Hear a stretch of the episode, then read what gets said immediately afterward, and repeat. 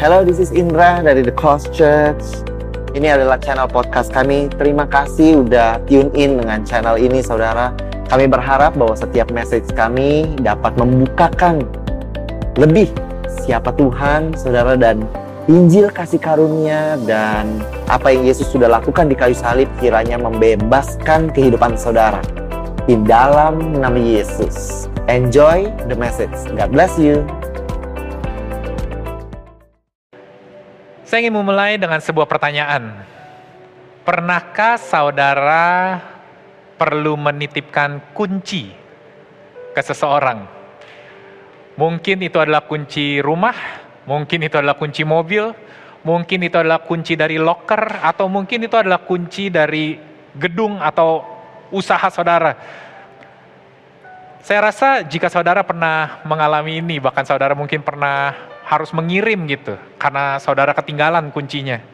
Saya percaya bahwa semakin berharga isi atau kunci yang akan membuka pintu tersebut, semakin berharga isi dari kunci akan pintu yang saudara titipkan itu, saya percaya saudara pasti akan semakin selektif di dalam memilih orang yang saudara ingin percayakan di dalam menitip kunci tersebut. Saya percaya itu. Saya rasa jika saudara ingin berpergian dalam waktu yang lama dan saudara perlu menitipkan kunci rumah saudara kepada seseorang, saya rasa akan sulit kita sama-sama pahami kalau saudara titipkan kunci tersebut ke orang yang tidak saudara kenali atau bahkan orang yang mungkin saudara baru bertemu pertama kalinya. Saya percaya saudara pasti akan memilih orang yang betul-betul saudara percaya di dalam menitipkan kunci tersebut. Maka itu dengan pemahaman inilah saya ingin tunjukkan ada sebuah ayat di Yesaya pasal 22. Dikatakan demikian. Tetapi Tuhan semesta Allah menyatakan diri dan berfirman kepadaku, Sungguh kesalahanmu ini tidak akan diampuni sampai kamu mati. Firman Tuhan, Tuhan semesta alam. Beginilah firman Tuhan, Tuhan semesta alam. Mari pergilah kepada kepala istana ini, kepala istana dari Yerusalem, dari bangsa Israel. Kepada Sepna yang mengurus istana. Sepna adalah seorang yang dipercaya dengan kunci dari istana. Kunci kerajaan Israel. Tapi Sepna ini mempunyai hati yang condong kepada musuh dari bangsa Israel, yaitu Mesir pada waktu itu.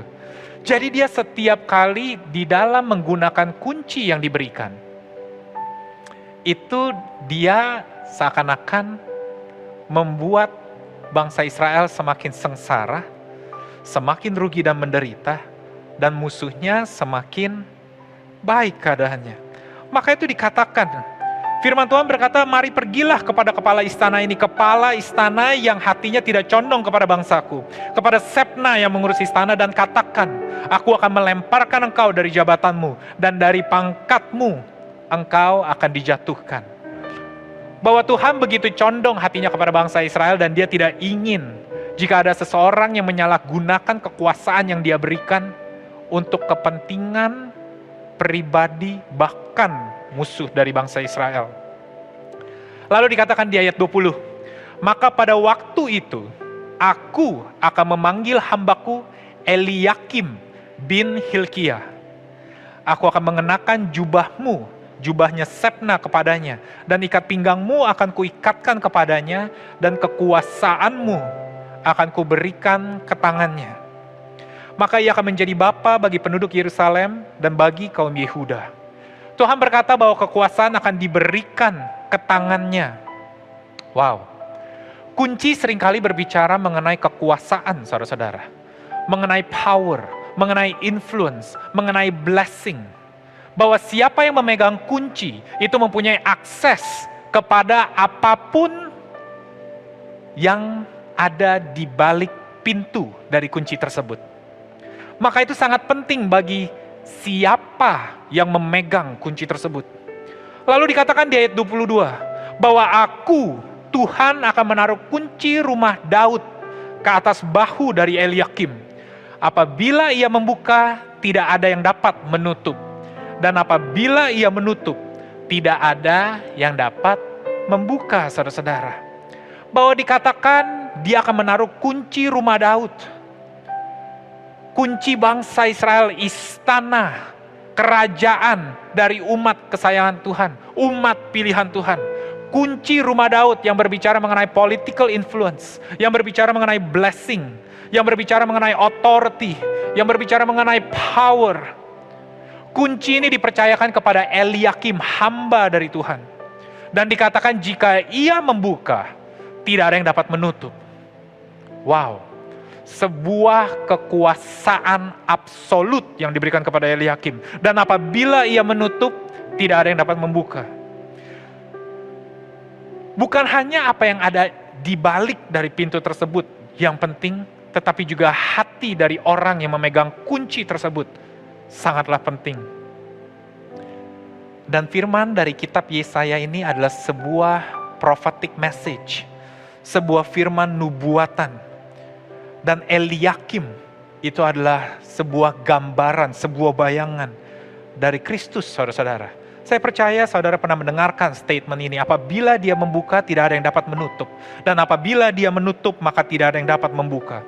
Saudara mungkin lebih familiar, lebih sering dengar ayat tersebut atau kalimat tersebut dari kitab Wahyu pasal 3 ayat 7 saudara-saudara. Dikatakan di Wahyu pasal 3 dan tuliskanlah kepada malaikat jemaat di Philadelphia. Inilah firman dari yang kudus, yang benar, bahwa dialah Tuhan, dialah yang menyampaikan firman ini kepada jemaat di Philadelphia, yang memegang kunci Daud. Tadi dikatakan bahwa dia akan memberikan kunci Daud kepada bahu, kepada pundak dari Eliakim. Dan sekarang dikatakan bahwa kunci tersebut dipegang oleh yang kudus dan yang benar, saudara-saudara. Siapa dia? Tentu saudara dan saya tahu bahwa yang kudus dan yang benar itu namanya Yesus. Dikatakan bahwa kunci Daud ini apabila ia membuka, tidak ada yang dapat menutup. Dan apabila ia menutup, tidak ada yang dapat membuka saudara-saudara. Sebuah kalimat yang tadi kita baca bersama di kitab Yesaya yang berbicara mengenai power, berbicara mengenai otoritas, berbicara mengenai kekayaan dari kerajaan Israel. Kunci Daud, akses untuk seluruh hal tersebut saat ini ada di genggaman tangan Yesus yang benar dan yang kudus.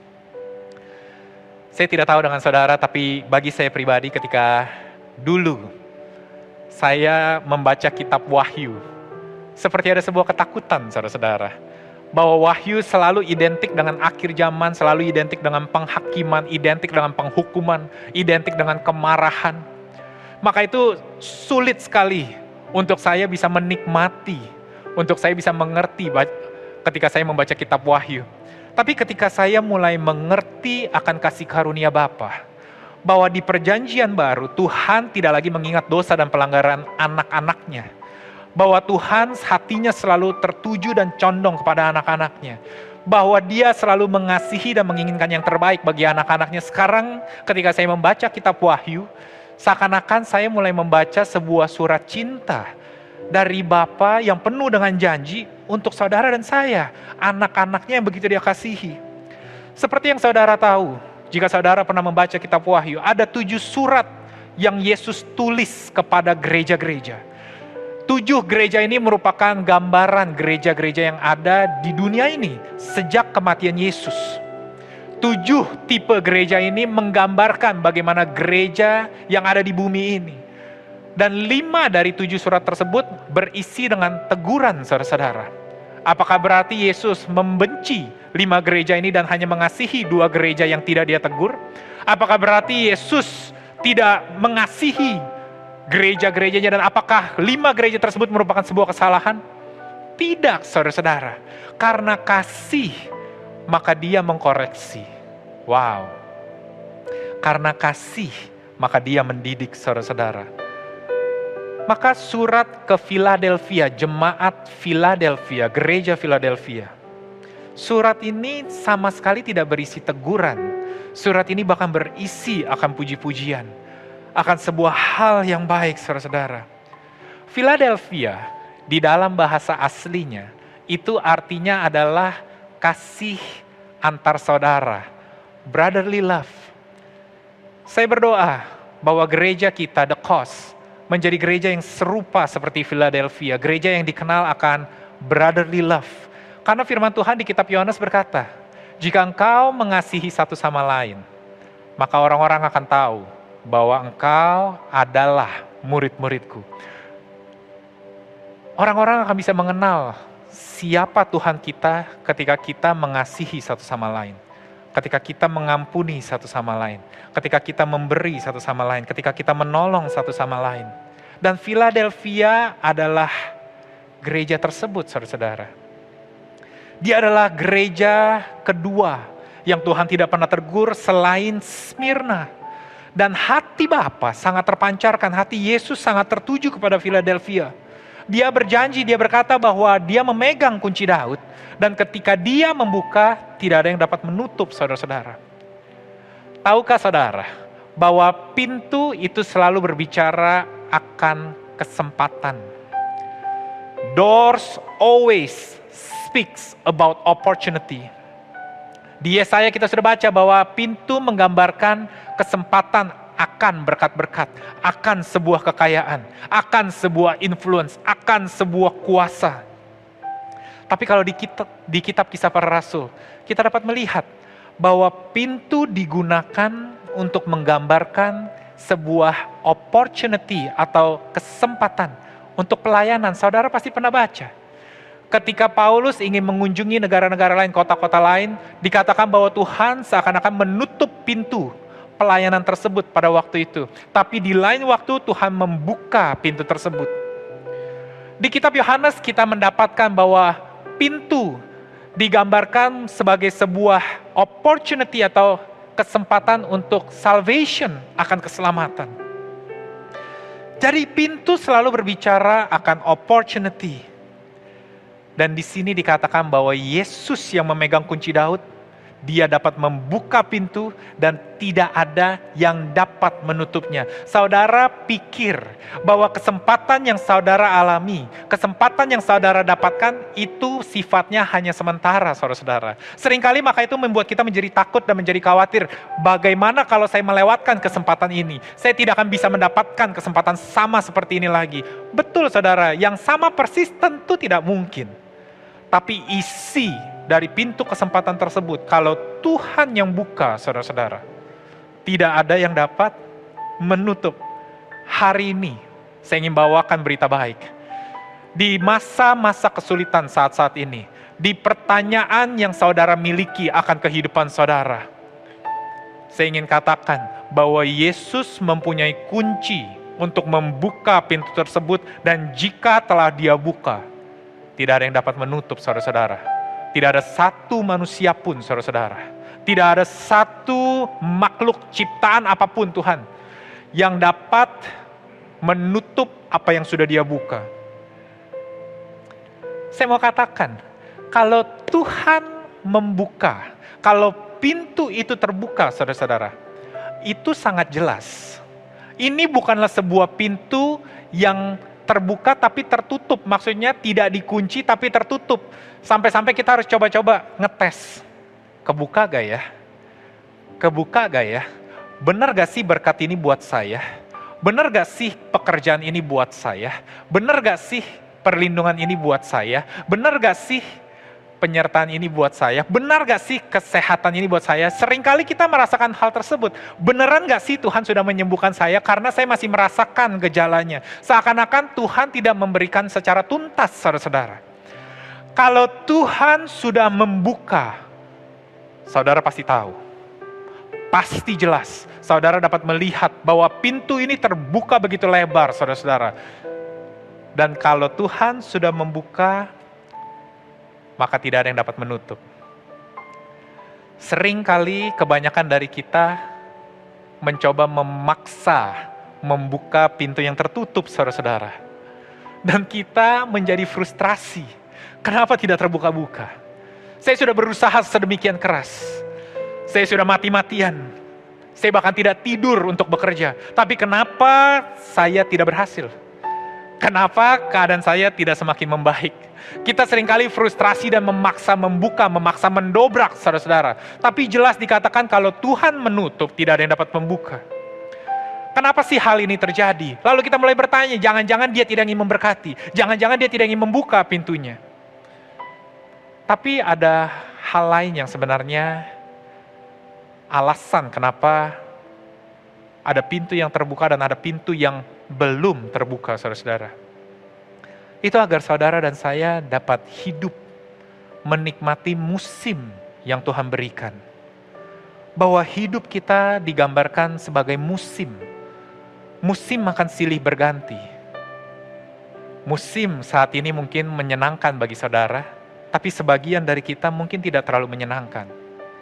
Musim-musim ini kita berharap akan cepat berganti. Kita berharap bahwa musim yang datang akan cepat datang. Tapi bersyukurlah, karena firman Tuhan berkata bahwa perlombaan bukan untuk yang paling cepat, saudara-saudara. Pertandingan bukan untuk yang paling kuat bahwa roti bukan untuk yang berhikmat, saudara-saudara. Karena waktu dan kesempatan akan dialami mereka semua bahwa Tuhan kita adalah Tuhan yang kudus, Tuhan yang benar, Tuhan yang adil, tapi yang paling penting Tuhan yang mengasihi kehidupan saudara dan saya. Ketika kita mulai mengerti ada musim, kita dapat hidup dengan namanya the unforced rhythm of grace bahwa ada sebuah irama kasih karunia yang tidak perlu dipaksakan, saudara-saudara. Bahwa kita dapat hidup dengan tenang dan mengalir, mengikuti apa yang Tuhan rencanakan, pintu apa yang Tuhan sudah bukakan dan pintu apa yang Tuhan belum bukakan. Paulus tidak mengeluh ketika sedang dalam pelayanan untuk penginjilan. Dia bilang, Tuhan kenapa kau tutup pintu tersebut? Saya sedang berapi-api, saya tahu bahwa di sana akan ada kebangkitan. Kenapa engkau tutup Tuhan? Tuh Paulus tidak berbicara seperti itu. Paulus menunggu. Paulus berjalan ke tempat lain yang Tuhan arahkan pintunya. Dan kita lihat bahwa semua rencana atau semua perjalanan yang Paulus diarahkan oleh Tuhan, kita dapat melihat sungguh rancangan Tuhan lebih tinggi daripada rancangan Paulus. Di awal tahun ini, ada sebuah kata yang muncul di hati saya yaitu restful increase. Saya percaya kata ini bukan hanya untuk saya pribadi, tapi bagi banyak dari saudara juga. Bahwa tahun ini saudara akan mengalami peningkatan, tetapi peningkatan yang restful saudara, yang tenang saudara-saudara. Dan ketika saya mulai mencerna kata restful increase, kalimat berikut yang Tuhan ingatkan adalah itu. Aku akan membuka pintu dan tidak ada yang dapat menutup. Bagaimana kita bisa dengan restful? yaitu kita bisa percaya bahwa Tuhan akan membuka pintu tepat pada waktunya dan Tuhan akan menutup pintu yang tidak sepatutnya terbuka, saudara-saudara. Bahwa penerimaan akan musim yang saudara sedang alami itu adalah kunci untuk saudara dapat menikmati kehidupan yang Tuhan telah berikan. Percaya penuh, percaya penuh Ketika saya mulai mengerti hal ini, saya semakin yakin bahwa saya tidak ingin outplan, merencana, membuat rencana mendahului Tuhan. Saya tidak ingin outsmart, lebih pintar daripada Tuhan. Saya tidak ingin outrun, berlari lebih kencang daripada Tuhan. Saya mulai melihat dan saya mulai belajar untuk kalau saya tahu pintu ini dibuka, pasti semuanya akan berjalan dengan baik dan tidak tertutup. Jika pintu ini belum terbuka, saya tidak akan paksa dobrak saudara-saudara. Saya tidak akan terus cek. Saya tahu jika tiba waktunya pintu ini akan terbuka, pasti saudara, saya akan tahu bahwa kunci akan pintu-pintu kesempatan di dalam kehidupan saudara dan saya ada di tangan yang aman ini digambarkan di kitab Yesaya pasal 22. Di, di perikop yang sama di ayat 23 dikatakan demikian. Aku akan memberikan dia kedudukan yang teguh, seperti gantungan yang dipasang kuat-kuat pada tembok yang kokoh. Maka ia akan menjadi kursi kemuliaan bagi kaum keluarganya. Kedudukan yang teguh, seperti gantungan yang dipasang kuat-kuat pada tembok yang kokoh. Untuk sesuatu dapat menggantung, saudara-saudara, berarti perlu dibuat sebuah bolongan ke tempat dia akan menggantung, saudara-saudara. Ini adalah gambaran Kristus waktu dia di atas kayu salib, saudara-saudara. Bahwa dia telah dipaku, telah ditancapkan di atas kayu salib. Sebuah kedudukan yang teguh. Sebuah pribadi yang tidak dapat disaingi oleh siapa pun dan dikatakan bahwa kunci Daud tersebut ada di genggaman tangannya. Bahwa kunci Daud yang berbicara mengenai influence, berbicara mengenai authority, berbicara mengenai blessing, itu ada di tangannya yang berlubang karena paku saudara-saudara. Maksudnya apa? Bahwa kunci tersebut berada di sebuah gambaran, di sebuah tempat di mana sebagai bukti bahwa hati dari orang yang memegang kunci tersebut sepenuhnya untuk kebaikan saudara dan saya. Ini yang dikatakan di Roma 8 ayat 32. Dikatakan jika ia yang tidak menyayangkan anaknya sendiri, tetapi yang menyerahkannya bagi kita semua. Bagaimana mungkin ia tidak mengaruniakan segala sesuatu kepada kita bersama-sama dengan dia? Bahwa Tuhan tidak mungkin menahan-nahan berkatnya. Bahwa Tuhan tidak mungkin dengan sengaja menutup pintu tanpa ada alasan yang jelas. Bahwa Tuhan seakan-akan tidak ingin memberikan yang terbaik. Jadi apakah berarti pintu yang tertutup itu berbicara mengenai kesempatan yang tertutup saudara-saudara?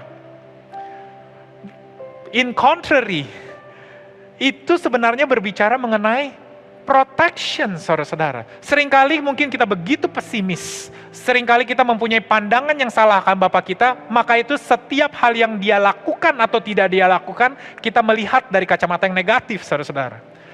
Tapi jika kita mengerti isi hati Tuhan, maka kita mulai dapat mengucap syukur atas setiap pintu yang tertutup. Karena pintu-pintu yang dia tutup, itu selalu berbicara mengenai perlindungan saudara-saudara. Seperti seorang bapak yang begitu mengasihi anak-anaknya. Mereka pasti saudara-saudara, pasti akan menutup pintu yang dapat membuat celaka anak-anaknya. Mereka tidak akan membiarkan anak-anaknya masuk ke dalam pintu tersebut. Mereka tidak akan mengizinkan anak-anaknya untuk merasakan apa yang ada di balik pintu tersebut. Mereka akan kunci saudara-saudara. Sampai waktunya mereka siap Dikatakan di Wahyu pasal 3 ayat 10. Karena engkau menuruti firmanku untuk tekun menantikan aku, maka aku pun akan melindungi engkau dari hari pencobaan yang akan datang atas seluruh dunia untuk mencobai mereka yang diam di bumi. Inilah pintu yang Tuhan tutup, saudara-saudara. Tuhan akan melindungi saudara dan saya dari hari pencobaan yang akan datang atas seluruh dunia untuk mencobai kita yang diam di bumi bahwa ada pintu-pintu yang Tuhan tutup karena Tuhan ingin melindungi saudara dan saya. Tuhan tidak ingin kita masuk ke dalam sebuah pencobaan yang tidak dapat kita hadapi, saudara-saudara. Alasan pintu tersebut ditutup adalah kasih. Itulah alasan kenapa Tuhan menutup saudara, menutup pintu yang saudara pikir tidak akan pernah terbuka. Wow. Bolehkah kita ambil waktu sejenak? Kita renungkan. Kita dapat mengucap syukur akan setiap pintu yang Tuhan bukakan. Tapi hari ini saya ingin mengundang saudara untuk mengucap syukur atas pintu-pintu yang belum terbuka di dalam kehidupan saudara. Kita mengucap syukur bukan karena kita memaksakan diri, tapi karena kita tahu siapa Bapa, siapa pribadi yang memegang kunci tersebut. Yang tidak pernah terlambat, yang mempunyai hikmat lebih tinggi, yang tidak memerlukan penasihat di sekitarnya. Kita mengucap syukur karena kita percaya bahwa hatinya selalu condong kepada kita, saudara-saudara. Seringkali saudara berkata, saya tidak layak. Bahkan pintu-pintu yang terbuka ini tidak layak. Inilah kasih karunia saudara-saudara bahwa saudara menerima bukan karena saudara layak, tapi karena hanya satu hal, bahwa dia begitu mengasihi saudara. Dikatakan di Wahyu pasal 3 ayat 8, Aku tahu segala pekerjaanmu, aku telah melihat segala pekerjaanmu. Aku tahu apa yang kau lakukan baik yang baik atau yang buruk. Aku telah melihat, aku tahu. Tapi lihatlah, aku telah membuka pintu bagimu yang tidak dapat ditutup oleh seorang pun Bahkan dikatakan bahwa aku tahu bahwa kekuatanmu itu tidak seberapa, bahwa you are not smart enough, bahwa saudara tidak cukup bijaksana, bahwa saudara tidak mempunyai cukup modal, bahwa saudara tidak mempunyai cukup pengetahuan, saudara tidak mempunyai cukup pengaruh, saudara tidak mempunyai ke, kepintaran atau kekuatan yang cukup. Tapi karena satu hal namun engkau menuruti firmanku, dan engkau tidak menyangkal namaku, bahwa engkau percaya penuh kepada aku, kata Tuhan. Maka aku buka pintu yang tidak dapat ditutup oleh seorang pun. Wow. Selama dalam kehidupan saya, sejak saya mengenal Tuhan, saya semakin melihat banyak hal yang tidak sepantasnya saya dapatkan, tapi Tuhan berikan, saudara-saudara. Inilah yang namanya favor. Banyak hal yang semestinya saya dapatkan, seperti penghukuman, seperti kehidupan yang kurang baik karena kesalahan-kesalahan saya, karena dosa-dosa saya. Itu malah Tuhan tidak berikan. Itulah namanya mercy, saudara-saudara. Maka kita akan bersyukur akan setiap favor yang Tuhan telah bukakan pintunya bagi kita. Dan saya juga mengucap syukur akan setiap pintu mercy yang Tuhan tutup, saudara-saudara. Karena Tuhan begitu baik. Dan ada sebuah ayat yang begitu menggambarkan akan hal ini. Di Roma pasal 10 ayat 11 dikatakan demikian. Barang siapa yang percaya kepada dia tidak akan dipermalukan. Apakah situasi yang sedang saudara hadapi saat ini? Apakah saudara merasa bahwa saudara sedang terpojok, sedang terhimpit, dan saudara sebentar lagi tidak tahu di mana saudara perlu meletakkan muka saudara? Karena seakan-akan ini begitu berantakan, begitu rumit, seakan-akan saudara terlihat begitu bodoh, padahal saudara tahu saudara lebih baik daripada apa yang saudara lakukan atau apa pun yang terjadi. Tapi firman Tuhan berkata, barang siapa yang percaya kepada dia, tidak akan dipermalukan Tuhan akan tutup pintu-pintu tersebut. Door of mercy will be closed, saudara-saudara. Wow. Sayangnya ketika kita tidak memiliki perspektif ini, kita akan selalu berpikir Tuhan itu senang menutup pintu. Tuhan itu lebih senang membuat hidup kita sulit daripada memberikan membuka pintu bagi kita.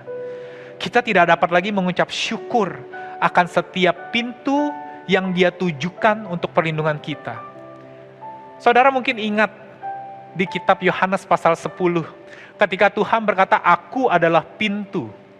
Dan barang siapa yang ingin masuk ke kandang domba untuk berhadapan dengan domba-dombaku, mereka harus melalui aku. Bersyukurlah kepada Tuhan. Karena dia yang memfilter saudara, dia yang memilih saudara apa yang boleh lewat dari pintu tersebut dan apa yang tidak boleh saudara-saudara. Bersyukurlah karena apa yang saudara alami saat ini, kehidupan, situasi yang saudara berada di dalam saat ini. Itu adalah yang terbaik yang Tuhan berikan bagi saudara dan saya bahwa dia tidak sedang bermain-main dengan kehidupan saudara. Seringkali karena lamanya pintu tersebut tertutup atau mata kita selalu tertuju kepada pintu yang tertutup tersebut. Seringkali kita mulai mengidentifikasikan diri kita dengan pintu tertutup tersebut. Kita berpikir bahwa kita adalah orang yang gagal, bahwa kita bukanlah orang yang cukup baik. Hanya karena satu pintu yang tertutup dan tidak pernah terbuka, saudara-saudara kita mulai berpikir bahwa karena satu hal inilah saya tidak akan mempunyai masa depan yang baik. Padahal Tuhan telah membuka begitu banyak pintu yang lain. Mata kita begitu tertuju akan hal ini, hati kita begitu dipenuhi, pikiran kita begitu dipenuhi akan hal ini. Sehingga kita luput pandangan kita dari akan hal-hal baik yang Tuhan telah berikan saudara-saudara. Dan sering kali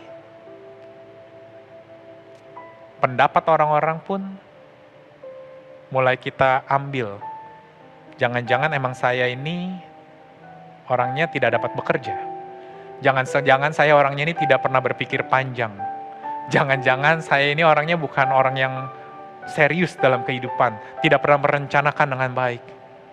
But I want to tell you today, people's opinion on you are not God's opinion on you. Saya mau katakan sekali lagi, people's opinions on you are not God's opinions on you. Orang mungkin berkata bahwa saudara lemah, bahwa saudara tidak bisa. You are disqualified.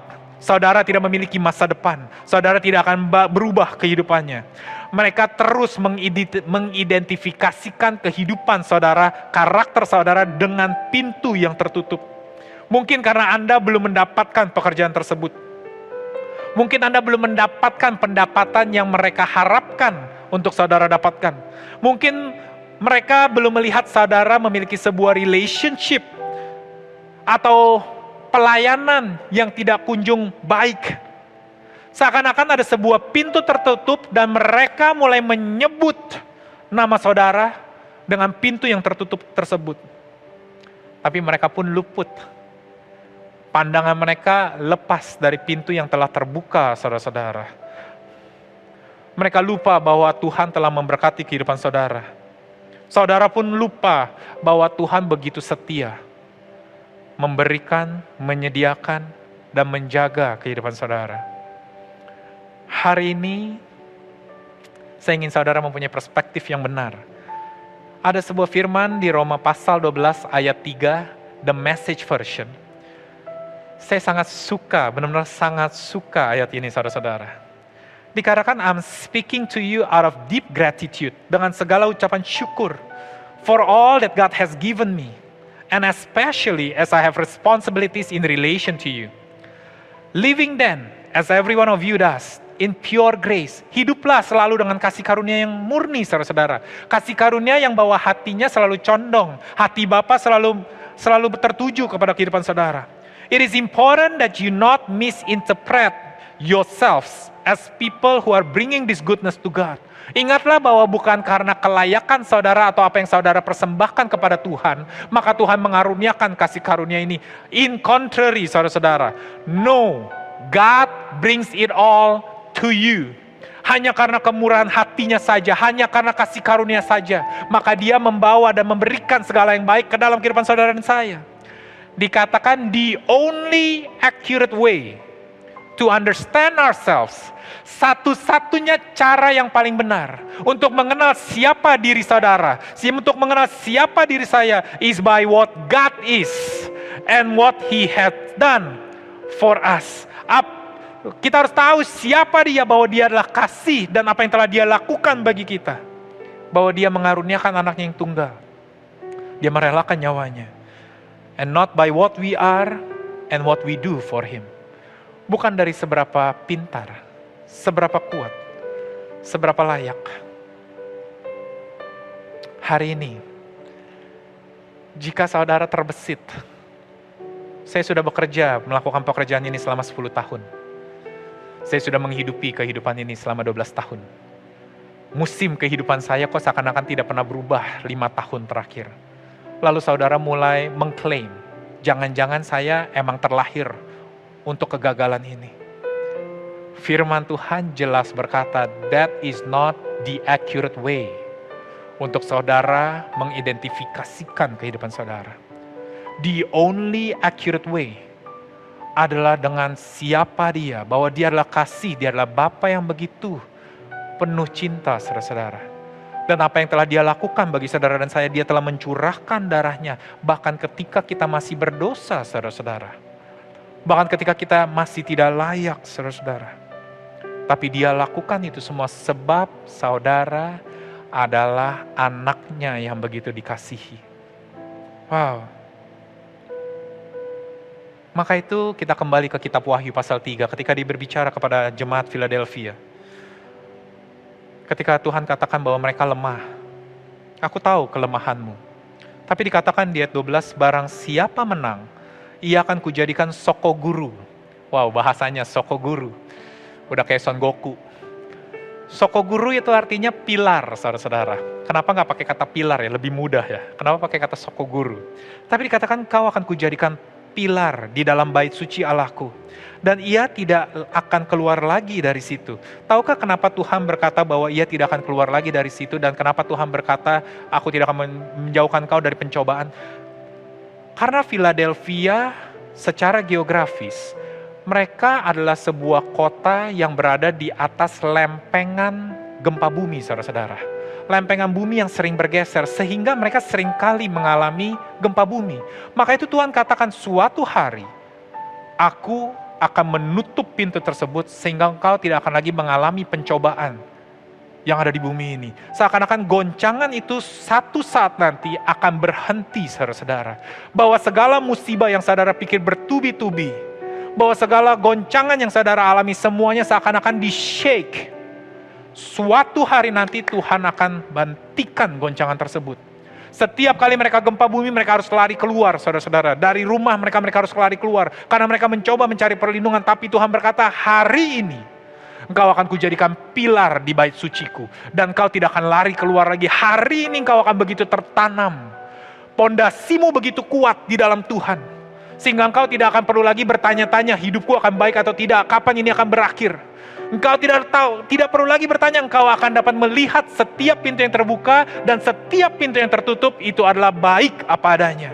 Engkau hatimu tidak akan lagi penuh dengan keraguan, hatimu tidak akan lagi penuh dengan kekhawatiran, hatimu tidak akan penuh lagi dengan ketakutan. Setiap langkah yang kita ambil saudara-saudara adalah sebuah keyakinan yang teguh bahwa Tuhan hatinya begitu condong Buktinya apa? Dikatakan di ayat 12 tersebut, dan padanya akan kutuliskan nama Allahku. Dia akan tuliskan nama Allah, nama Bapa. Lalu dia akan tuliskan nama kota Allahku, yaitu Yerusalem baru, yang turun dari surga dari Allahku, dan namaku yang baru. Ada tiga hal yang Tuhan akan tuliskan. Nama Allahku, Nama Allah itu berbicara mengenai bahwa you are God's people. Bahwa engkau adalah anak-anak umat kesayangan Tuhan. Tuhan akan tuliskan sehingga bukan hanya saudara mendapat assurance itu, tapi orang-orang akan melihat bahwa sungguh kehidupanmu diberkati. Tuhan akan tuliskan nama kota Allah yaitu Yerusalem yang baru. Di dalam perjanjian lama, hanya ada satu tempat saudara-saudara di mana Yerusalem baru ini disebut yaitu di kitab Yehezkiel. Dan Yerusalem baru tersebut dinamakan Jehovah Shammah, yang artinya the Lord is there. Yerusalem baru adalah kota yang menggambarkan bahwa Tuhan ada di sana, bahwa terang kemuliaannya akan begitu bersinar dan orang tidak akan luput sampai kelewatan melihatnya. Hari ini saya mau katakan saudara-saudara, bahwa Tuhan akan menjadikan saudara akan menulis namanya. Kota Yerusalem yang baru. Dan orang-orang dapat melihat, sungguh hidupmu penuh dengan favor. Sungguh hidupmu penuh dengan berkat. Sungguh hidupmu penuh dengan banyak sejahtera. Sungguh hidupmu selalu dipenuhi dengan sukacita walaupun saudara mempunyai seribu satu alasan untuk bersungut-sungut saudara-saudara. Dan yang terakhir, dia katakan, aku akan menuliskan namaku yang baru It speaks about His holiness, kekudusannya saudara-saudara. Bahwa saudara sempurna, tidak ada yang bercacat, tidak ada yang bercela. Bukan karena perbuatanmu, tapi karena identitas baru yang dia berikan. Wow.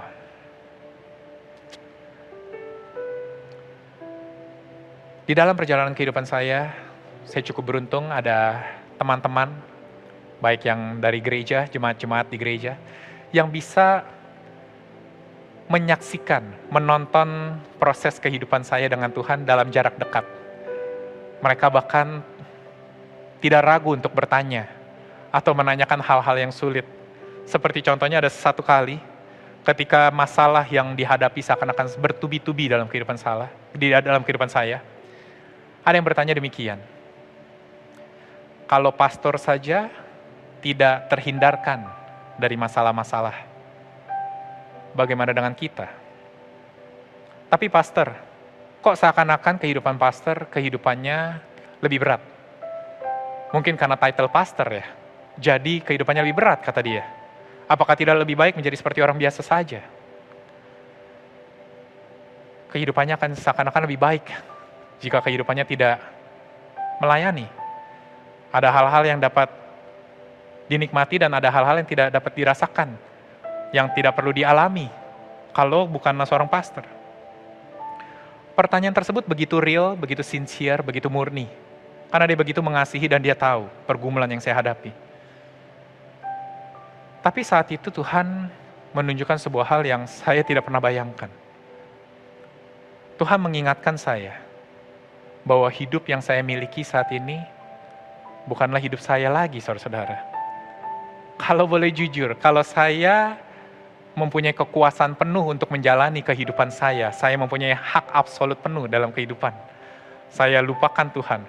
Saya boleh jujur, saudara-saudara mungkin saya sudah tidak ada lagi di bumi ini, saudara-saudara. Karena begitu banyak keputusan yang semena-mena, begitu banyak keputusan yang saya akan sesali terus-menerus, yang dapat mengakhiri kehidupan saya. Tapi saya bersyukur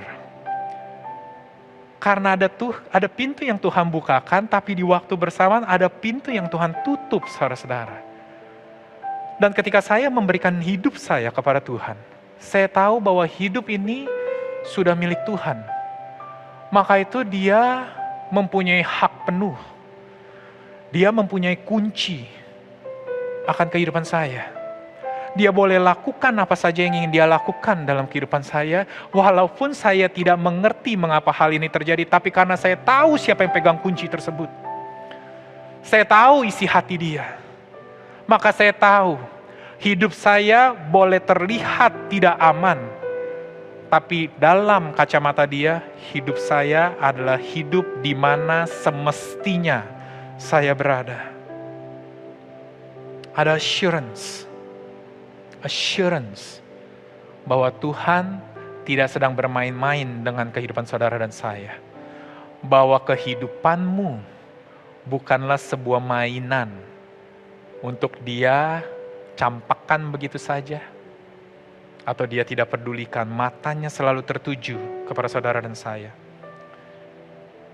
Saya akan tutup. Di kitab Wahyu ini, inilah pelayanan akan perjanjian baru saudara-saudara. Perjanjian lama sering kali diidentikan dengan perjanjian you shall, saudara harus, engkau harus, engkau harus lakukan ini, engkau harus lakukan itu, engkau harus hindari ini, engkau tidak lakukan itu. You shall. Fokusnya adalah di kekuatan saudara dan saya. Tapi perjanjian baru adalah the ministry of I will, bahwa Tuhan yang akan melakukan. Di kitab Wahyu pasal 3 ini ada delapan yang Tuhan tunjukkan yang dia akan lakukan. Yang pertama, sesungguhnya aku akan menyuruh mereka datang dan tersungkur di depan kakimu Tuhan yang akan membawa musuh-musuh saudara untuk tersungkur di depan kaki saudara. Wow.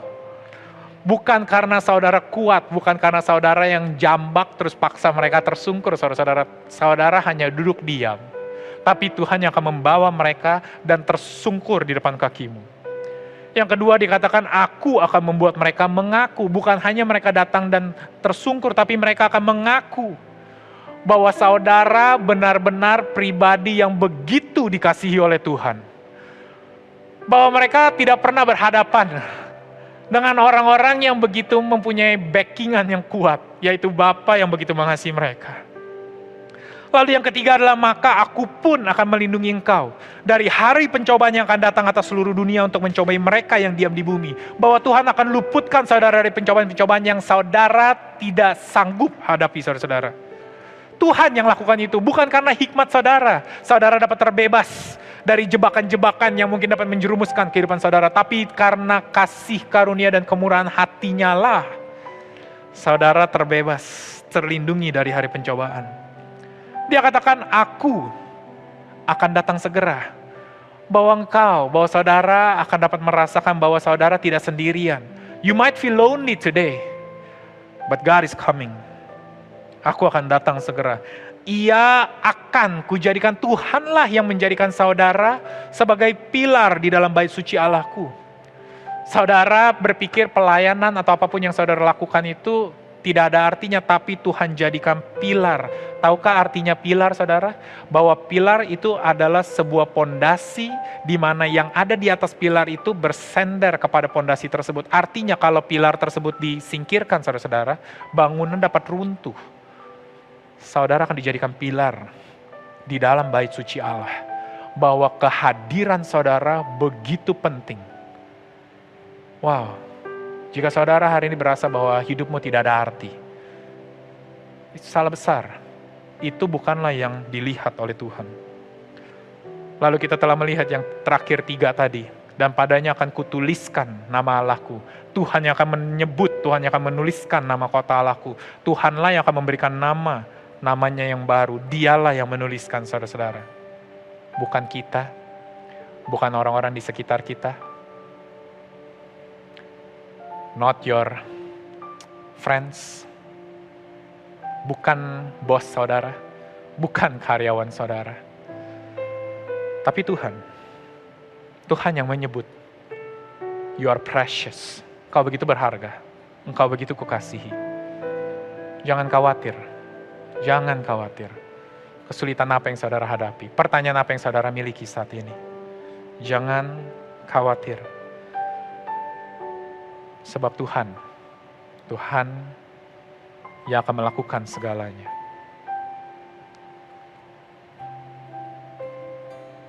Ada sebuah ayat di Wahyu juga. Ketika tadi kita telah berbicara mengenai kunci, kunci Daud. Daud identik dengan penyembahan, dengan puji-pujian, dengan doa. Kunci yang seakan-akan positif, saudara-saudara. Tapi saya mau tunjukkan sebuah kunci lain yang Tuhan pegang. Di Wahyu 1 ayat 17 sampai 18. Ketika aku melihat dia, tersungkurlah aku di depan kakinya sama seperti orang yang mati. Tetapi Yesus meletakkan tangan kanannya di atasku lalu berkata, Jangan takut, aku adalah yang awal dan yang akhir. I was here before you were born, and I will still be here after you passed away. Bahwa Tuhan yang menjaga kehidupan kita bukan hanya hidup kita, tapi dari generasi sebelumnya sampai ke generasi sesudahnya bahwa keadaan kita, kehadiran kita di bumi ini itu hanya karena dia sudah ada dan merencanakan saudara-saudara. Dikatakan bukan hanya dia yang awal dan yang akhir, tapi dialah yang hidup. Aku telah mati. Waktu dia disalibkan, dia mati. Dia masuk ke dalam maut tersebut. Namun lihatlah, aku hidup sampai selama-lamanya dan aku memegang segala kunci maut dan kerajaan maut. Bahwa apa pun kunci yang jika digunakan itu dapat menghabisi kehidupan saudara.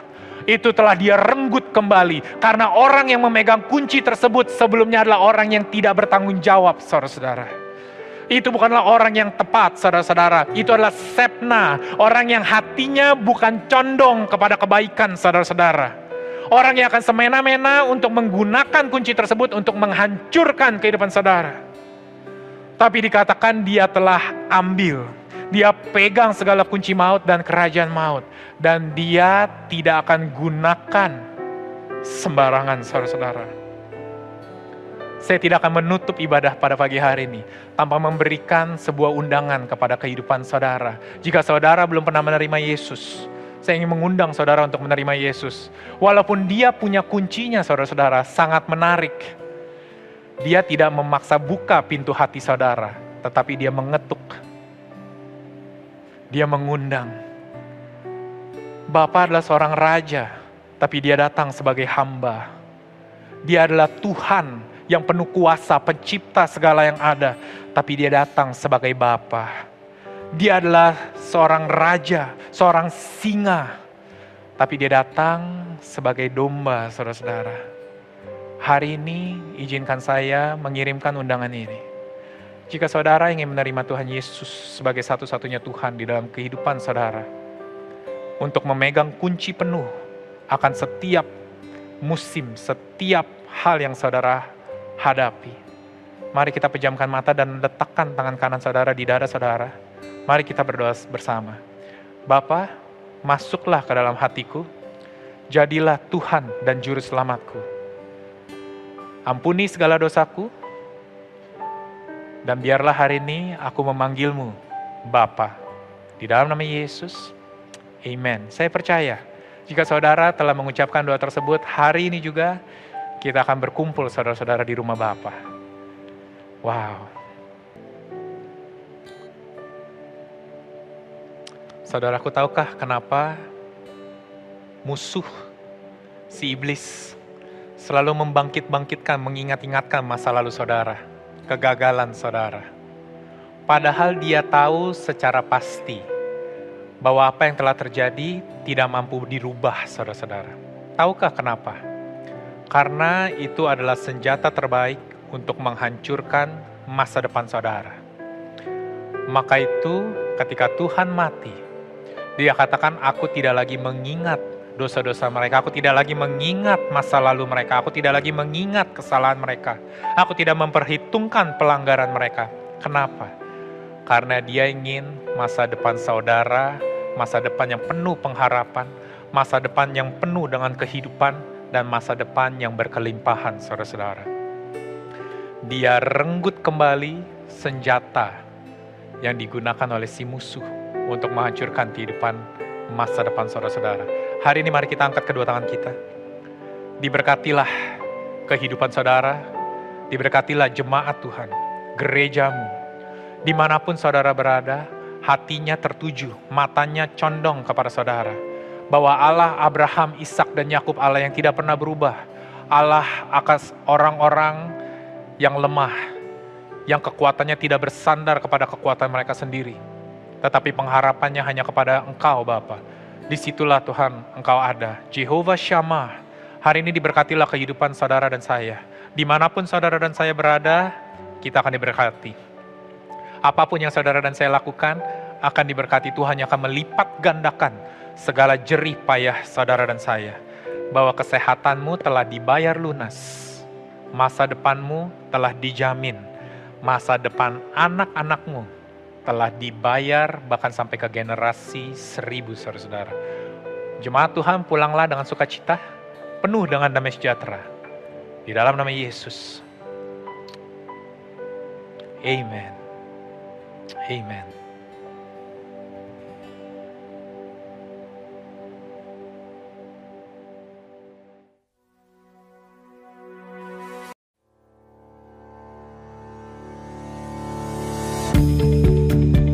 Terima kasih lagi sudah mendengarkan episode ini saudara dari podcast ini. Thank you so much saudara.